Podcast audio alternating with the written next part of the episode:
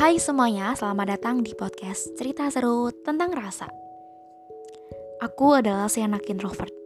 Ya, julukanku pendiam. Mungkin orang memanggilku si kutu buku atau si pemalu. Hmm, berinteraksi dengan orang lain sangat asing buat aku. Apalagi memulai percakapan. Kadang aku pernah mikir, introvert tuh lemah ya. Pernah gak sih kamu merasa berat banget jadi seorang introvert?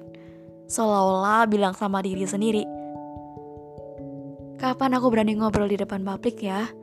Kayak orang yang pandai bicara, seseorang yang punya selera humor tinggi.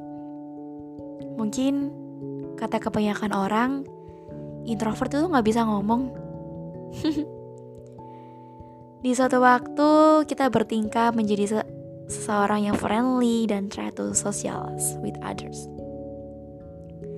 But deep inside, kita merasa sangat gak nyaman, berusaha mendengar orang lain namun tidak ada satupun yang bisa mengerti.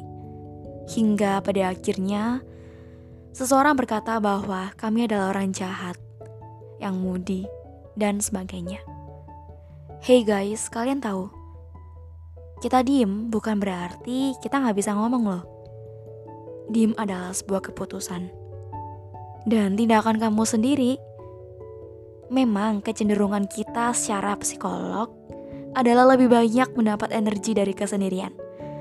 Dan berinteraksi adalah salah satu bentuk untuk menghabiskan energi. Gak ada yang salah dengan sendiri. Makan sendiri, nonton sendiri, jalan-jalan sendiri. Membuat kamu puas dan merasa terus in charge. Namun sadari,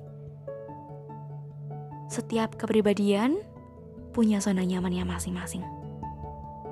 Mau sampai kapan kamu berada di zona nyaman terus? Mau sampai kapan kamu menjadi manusia pendiam?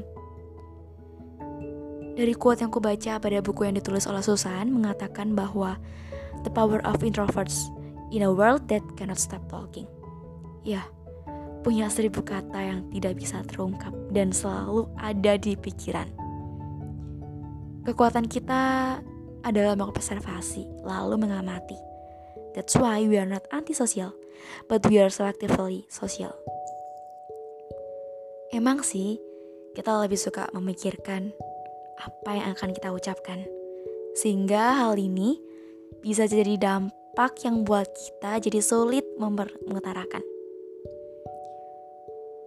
Tapi semua perlu keseimbangan yang pada akhirnya membuat kita menjadi seseorang yang profesional. Kalau kata Maudy Ayunda, ia mengakui bahwa dirinya adalah seorang introvert.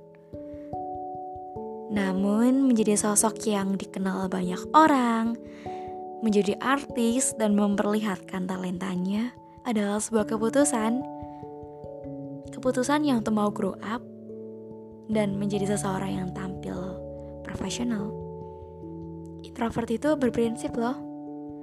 Mereka punya dunianya sendiri untuk melakukan sesuatu dengan caranya. Seperti Einstein yang meskipun dia adalah seorang introvert, tapi dia punya ide brilian yang bisa mengubahkan dunia. So guys, jangan pernah merasa aneh ya. Perkataan kita memang limit, tapi hal-hal di pikiran kita unlimited. Hal ini sangat penting buat kita sebagai seorang introvert untuk mencapai expert dan menggali potensi terbaik with right people dengan tempat yang damai. Karena dunia tidak akan pernah mengerti caranya kita. Hai kamu si introvert, jangan minder lagi ya. Kepercayaan dirimu membuat semua orang takjub akan potensimu. Semangat! Salam Bingo! thank you